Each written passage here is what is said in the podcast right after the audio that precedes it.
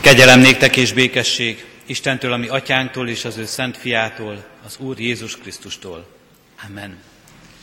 Kedves testvéreim, Isten tiszteletünket Zsoltár énekléssel kezdjük.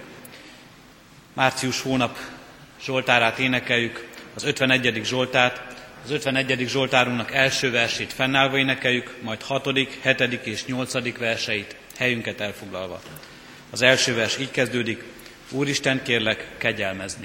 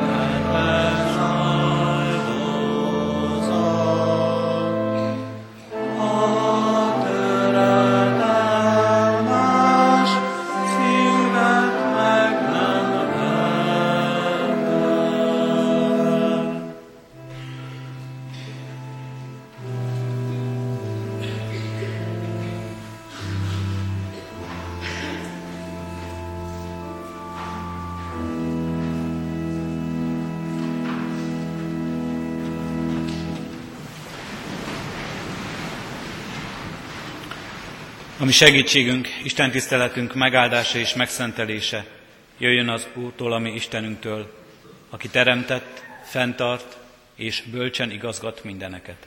Amen. Kedves testvérek!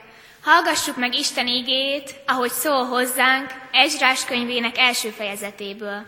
Isten igéjét alázatos szívvel, figyelemmel hallgassuk. Isten igéje így szól. Círus Perzsa király uralkodásának első esztendejében azért, hogy beteljesedjék az Úrnak Jeremiás által mondott igéje, arra indította az Úr Círus Perzsa király lelkét, hogy egész viradalmában, szóban és írásban kihirdettesse a következőket. Ezt mondta Círus Perzsa király. A föld minden országát nekem adta az Úr, a mennyistene. Ő bízott meg engem azzal, hogy felépítessem templomát a Júdában lévő Jeruzsálemben. Aki csak az ő népéhez tartozik közületek, legyen azzal Istene. Menjen el Júdában lévő Jeruzsálembe, és építse fel Izrael Istenének, az Úrnak a házát. Ő az Isten Jeruzsálemben.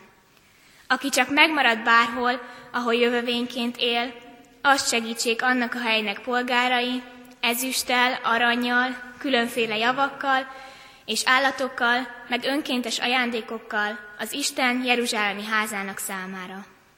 Elindultak tehát Júda és Benyámin, családfői, meg a papok és a léviták. Mindjájuk lelkét arra indította az Isten, hogy menjenek el, és építsék fel az úrházát Jeruzsálemben. Egész környezetük segítette őket, ezüstárgyakkal, aranyjal, különféle javakkal, állatokkal és kincsekkel, önkéntes adományaikon kívül. Círus király pedig előhozatta az úrházának az edényeit, amelyeket Nebukadnetszár vitt el Jeruzsálemből, és saját istenei templomainak ajándékozott. Előhozatta ezeket Círus Perzsa király, Mitredát kincstárnok felügyeletével, és szám szerint átadta Sésbacarnak, Júda fejedelmének. Ez volt a számuk. 30 aranytál, 1000 ezüstál, 29 kés, 30 aranyserleg, 410 másodrendű ezüstserleg és 1000 más edény. Összesen 5400 arany és ezüst edény volt. Mindezt magával vitte Sésbacar, amikor a foglyok elmentek Babilóniából Jeruzsálembe. Isten szent lelke tegye áldottá szívünkben az igét, és adja, hogy annak ne csak hallgatói, hanem befogadói és megtartói is lehessünk. Ámen. Hajtsuk meg testvéreim fejeinket is, járuljunk a mi Urunk elé imádságunkban. Teremtő Istenünk, menj és föld ura, magasztalunk téged az új napért, magasztalunk téged megtartott életünkért. Add kérünk, hogy lelkünk is benned megmaradjon, adulunk, hogy ne csak test szerint éljünk, hanem lélek szerint is, a Te akaratod szerint. Magasztalunk, Urunk, egy csodálatos napsütésért. Add, hogy értelmünk, lelkünk sem maradjon sötétségben ma. Adulunk, hogy igéd igazsága és a Te világosságod beragyogja életünket. Magasztalunk, Urunk, a rendelt időkért, ezért a napért, a vasárnapért, melyet megszentelhetünk, a tavaszért, az újjáilledő természet ígéretéért. Addulunk, hogy mi is újjászülethessünk, elhagyva mindazt, ami elválaszt és eltávolít te tőled. Elhagyva bűneinket, elhagyva emberi gőgünket, lázadásainkat, és addulunk, hogy valóban rád figyelhessünk, téged életünkbe fogadhassunk. Ajándékaiddal, lelki-testi javainkkal neked hálát adjunk, így legyünk készek most hallgatni, Urunk, igédet és ígéretedet. Amen. Kedves testvéreim, ige hallgatására készülve a 372. dicséretünknek első versét énekeljük. A 372-es dicséretünk első versét, mert így kezdődik, könyörögjünk az Istennek szent lelkének.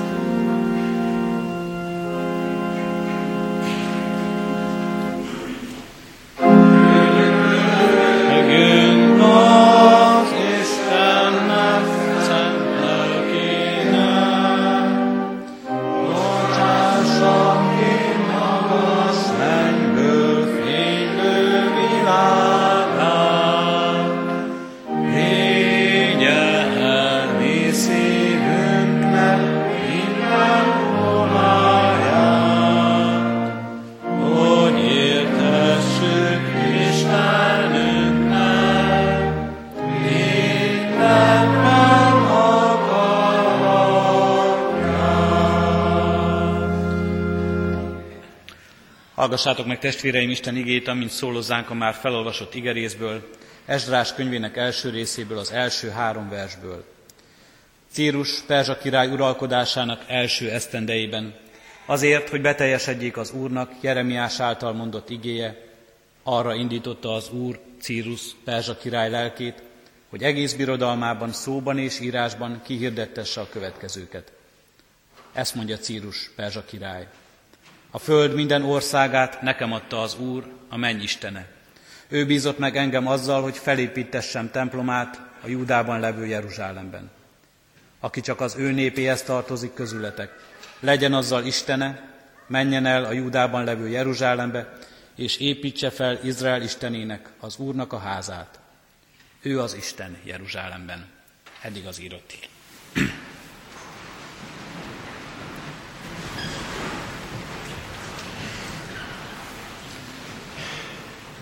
Kedves testvérek, bőjt harmadik vasárnapja van, és ez a vasárnap most ma egyben a Biblia vasárnap is, amikor hálát adunk ezen az alkalmon a Szentírásért, Isten kijelentéséért, az írott igéért, amelyet a kezünkbe vehetünk.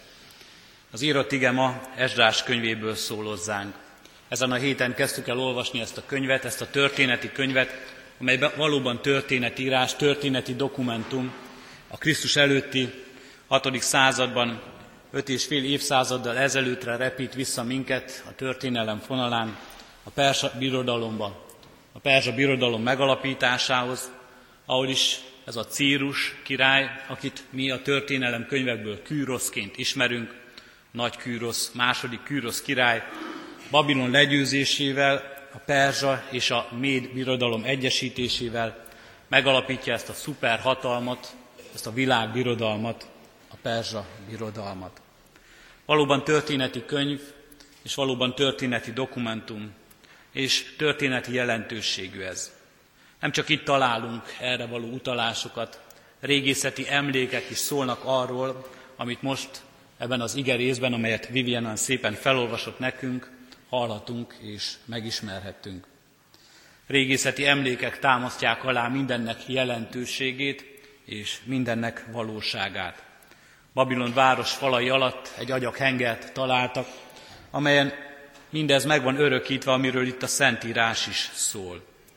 Jeruzsálem városától kezdve Assur és Szúzán városáig, Agadéig, Esnunak földéig, Zamban városáig, Metumu városáig, Déri, Kvitig, országföldjéig, a Tigris folyón túlfekvő szent városokig, amelyeket Isten, amelyeket lakásait régen alapították az Istenek, akik bennük laktak, helyükre visszavitettettem, örök lakást adtam nekik.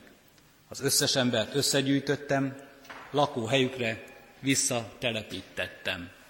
Így szól Kűrosznak a rendelete, amelyről a Szentírás úgy tanúskodik nekünk, hogy ez szóban és írásban egész birodalmában kihirdette. Miről szól ez a rendelet? Arról, hogy ez a király, ez az új uralkodó, azokat a népeket, amelyeket fogságra vittek elődei, köztük Izrael népét is, akik a 70 éves babiloni fogságban sínlődnek, visszatelepíteti eredeti lakóhelyükre. Megadja nekik a jogot, megadja nekik a lehetőséget, sőt ennél többet is ad, megadja nekik a támogatást is, hogy visszatérjenek őseik földjére.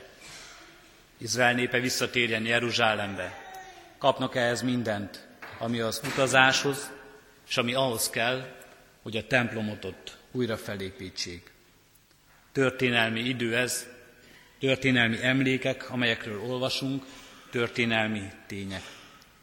Miért volt jó ennek a nagy uralkodónak, Kűrosz királynak, hogy mindezt megtegye? Miért volt neki jó történelmileg az, hogy elengedje a foglyokat, hogy szabadon bocsássa őket? Sokan sokféle magyarázatot adnak, és megvannak rá történelmi magyarázata is. Megvannak a magyarázatok, sokan azt mondják, hogy ez egy védelmi érdek volt, hiszen a birodalom védelmi érdeke volt az, hogy a beremvidékeken, a birodalom szélén élő népek megerősödjenek, hogy elsőként fogják föl azokat a csapásokat és támadásokat, amelyek majd ezt a nagy perzsa birodalmat próbálják megdönteni. Így Izraelnek is vissza kellett települnie újra benépesíteni ezt a földet, hogy majd ha Egyiptom felől támadás éri ezt a birodalmat, elsőként ők találkozzanak az ellenséggel.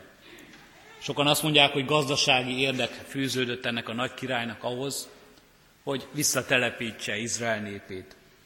Gazdasági érdek az adófizetési kedv ösztönzése, az elnéptelenedett területek visszatelepítése, méghozzá olyan emberekkel, akik előtte is, őseik legalábbis ott éltek, akik ott benszülöttek voltak, akik a saját földjükként jó gazdái voltak annak a területnek.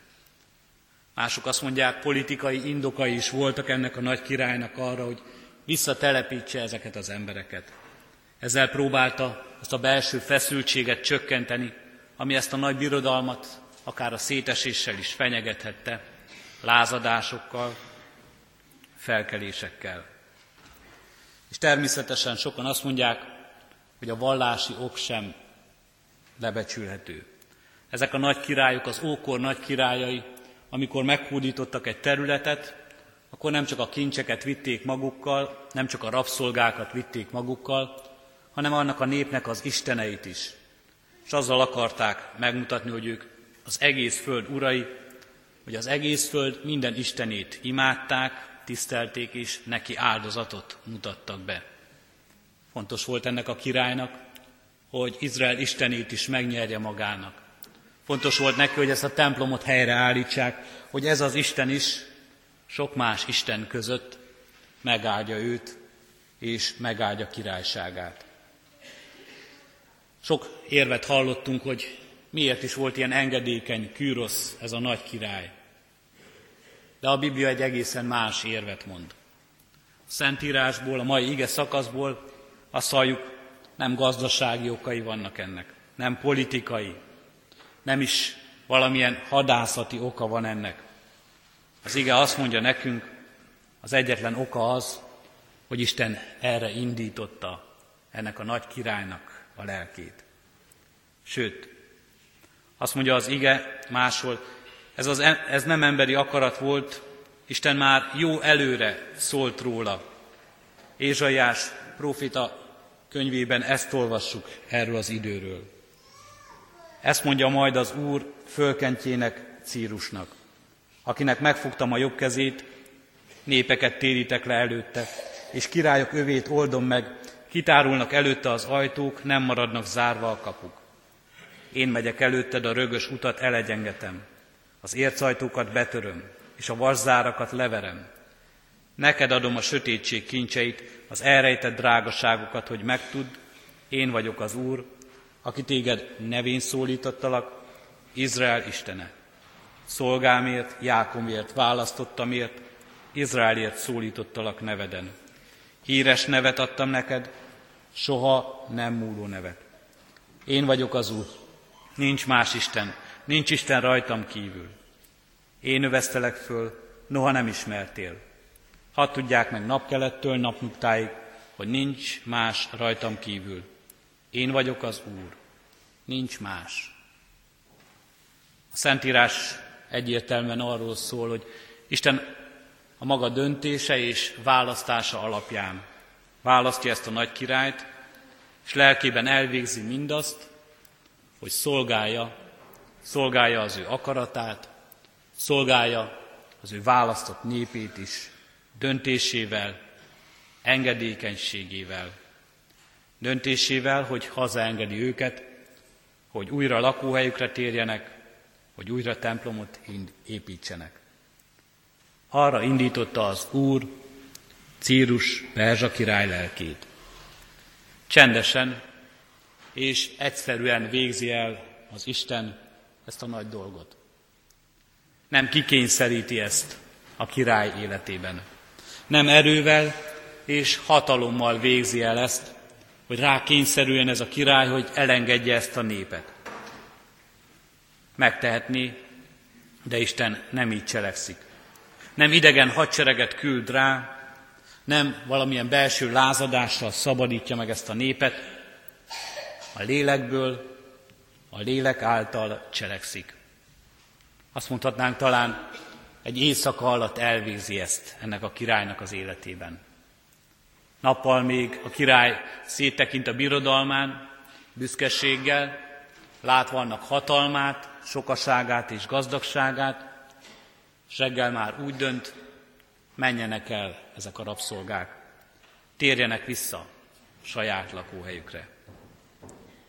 Nem védtelen senki az Isten munkájától. Nem védtelen ez a nagy király sem attól, ahogyan Isten lelke elkezd munkálkodni az ő életében. Bár király volt ő, bár az akkor ismert föld legnagyobb részének ura, és minden az ő akaratától függött, de mégsem minden. Mert az ő akarata az Istentől függ. Az ő akarata az Isten lelkétől függött. Attól, hogy Isten lelke hogyan munkálkodik, és miként végzi el, és változtatja meg az életét, a szándékát, a döntéseit. Kedves testvérek, kedves testvérek, van egy nagy biztatás számunkra ebben az igében. Ma, akik már nem ilyen nagy király uralma alatt élünk, de nekünk is nagy biztatás az, hogy nincs olyan hatalom, amely Istennek ellenállna ebben a világban. Isten minden hatalom fölött van.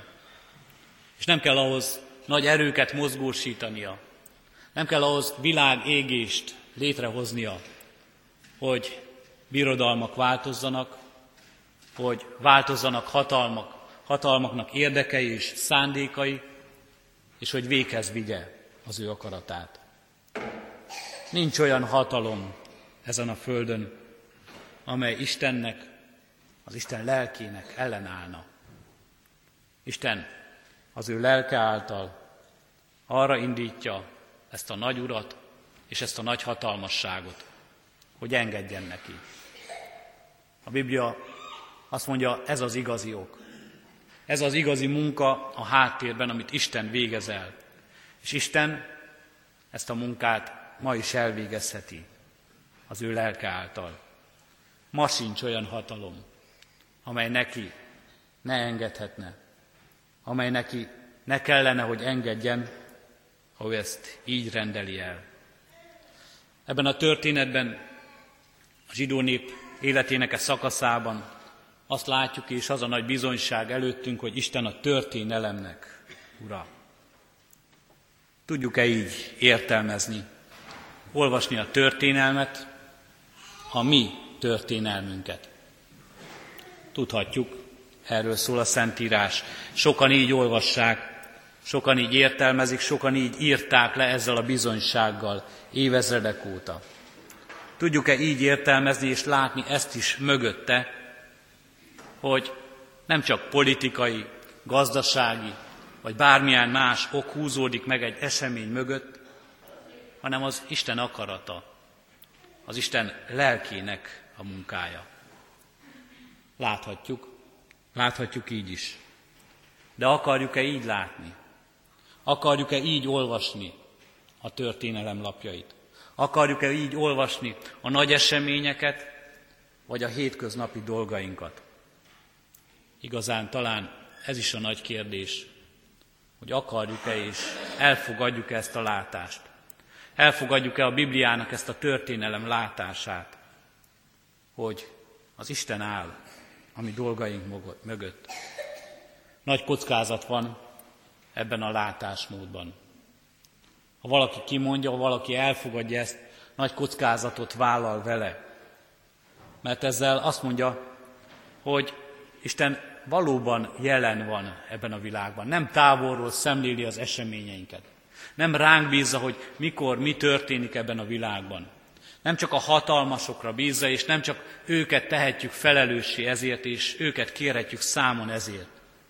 Isten mindannyiunk, mindannyiunk életében úgy munkálkodik, hogy azt várja tőlünk, figyeljünk az ő szavára, hallgassunk az ő lelkére, Figyeljünk oda, mit akar elvégezni bennünk ez a lélek. Mifelé indít minket, milyen döntése sarkal. Mit vár el tőlünk. Hallgatásra hív az Isten, az ő lelkének meghallására hív. Istenre figyelésre hív. Erről is szólhat a mi bőti időnk, hallottunk erről is a bőti evangelizációban. Istenre figyelni, az ő lelkének szavát meghallani, és arról is, hogy erre alázattal válaszoljunk, hogy engedelmesek legyünk ebben. Csodálatos dolog történik meg itt, ha az ember mindezt átéli. Ha átéli a saját életében, ha átéli nemzedékekről nemzedékekre szóló történelem lapjain, azt olvasva, a történelem szemléletében, hogy itt nem csak emberi munkálkodásról van szó, nem csak emberi akaratról van szó, hanem ebben jelen van a történelem ura, az Isten is. Mert ezekben a pillanatokban, amikor mindezt látjuk és átéljük, amikor így megszólal nekünk a Biblia, az Isten szava, akkor azt láthatjuk, hogy az örökké valóság és az az idő, amelyben mi emberek élünk, egybe kapcsolódik.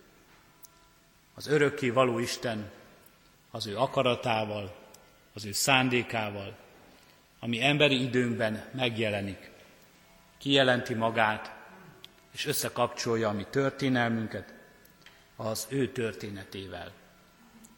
Ebben a történetben Isten kegyelme jelenik meg, Isten szabadító szeretete, úgy, ahogy, úgy, ahogyan ezt az ő lelke által végzi ebben a világban. Megjelenik a kegyelem, és ennek a kegyelemnek az eszköze, ez a király lesz. Ez a király, akit később maguk a zsidók azzal a szóval illetnek, hogy messiás, felkent. A zsidó történetírásban ezt a furcsa, számunkra talán kicsit megbotránkoztató jelzőt használják. Mert ezre a királyra úgy tekintenek tényleg, mint aki az Isten felkentjeként enged az Isten akaratának, és az Isten szabadításának az eszköze lesz a e nép életében. Kedves testvérek, furcsa módon azokban a pillanatokban, amikor így látjuk az Isten cselekedni, a mi történelmünkben, a mi életünkben, az Isten örökké valóságába tekinthetünk bele. Nekünk is lehetnek ilyen élményeink. Nem csak innen a Biblia lapjairól hallhatjuk ezeket az élményeket. Nem csak innen olvashatjuk ki sóvárgással, hogy bárcsak megélhetnénk mi is ezt. Nekünk is van messiásunk. Nekünk is van szabadítónk, akit mi láthatunk a saját életünkben cselekedni. Aki a mi életünkben szól. Akiről a mi életünkben tesz bizonyságot az Isten szent lelke. Aki által a mi életünkben jelenti ki Isten az ő akaratát, szabadítását, kegyelmét, aki által, ismerjük a kifejezést, jó pásztor által, az Isten bennünket vezet és terelget. Mert ezt a történelmet, ezt a történetet, amely ma szól hozzánk Esdrás könyvéből, egészen személyessé is tehetjük. Ha azt mondjuk, nincs olyan hatalom, ebben a világban. Nem volt Kűrosz Perzsa király idejében, és azóta sincs olyan hatalom, amely Istennek ellenállhatna, akkor ezzel azt is ki kell mondanunk, én sem vagyok kivétel ez alól. Az én életem sem kivétel, a személyes életem ura is az Isten. Nem csak a történelemnek ura az én Istenem. Az én életemet is meghatározhatja, az én életem felül is dönthet, lelke által engem is megszólít, meg akar szólítani, vezetni akar, és arra hív, hogy alázattal és engedelmességgel szolgáljak neki. Erről tesz bizonyságot, kedves testvérek, ez a történet, ezen a történeten keresztül a Szentírás egy közösség életében, és erről kell, hogy bizonyságot tegyünk, és tesznek bizonyságot nagyon sokan személyes életükben, keresztény emberként, engedve a messiásnak, a Krisztusnak, az ő lelkének, elhívásának és igéjének. Ez a mi bizonyságtételünk. Ez a Szentírás bizonyságtétele. És ezért adhatunk hálát, mert ez nem kisebbé teszi emberi életünket, ez a király nem lesz kevesebb azzal, hogy elengedi ezt a népet. Hatalma, ereje semmivel sem csökken általa. Azáltal, hogy kimondja ebben a világban, hogy a föld minden országát nekem adta az Úr, a menny Istene. Övé marad a hatalom, és övé marad a felelősség is, hogy ezeket az országokat kormányozza és vezesse. Azzal, hogy kimondjuk, kedves testvérek, hogy az Úristen engem ebben a világban, itt, a 21. században, itt ebbe az országba helyezett el. Nekem adott itt lehetőséget, teret, döntéseket. Nekem adott itt szabadságot, időt és felelősséget. Ezzel én élhetek, de ezzel még szolgálhatom az Isten dicsőségét. Elismerve az ő hatalmát, elismerve az ő kiválasztó kegyelmét. Legyen meg ez a felismerésünk, vezessen erre minket újra és újra az Isten igéje, a Szentírás. Legyen ez tanúsága számunkra ennek a történetnek, és legyen így tanú bizonyságunk e világ előtt, az Isten igén alapul. Amen. Kedves testvéreim, énekeljük most a 372. megkezdett dicséretünknek 5. versét, mely így kezdődik, vedd el a mi szívünknek hitetlenségét.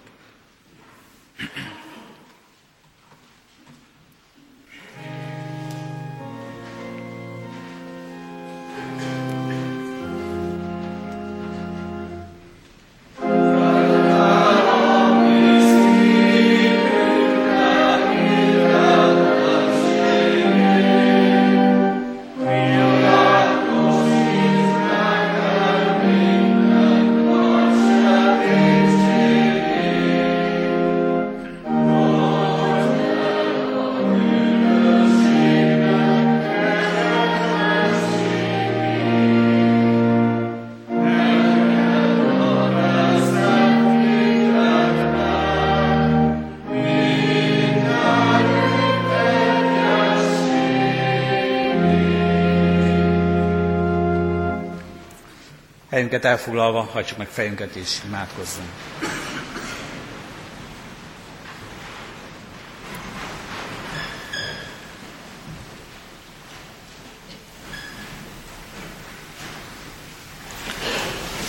Teremtő és gondviselő, szerető mennyi édesatyánk az Úr Jézus Krisztusban.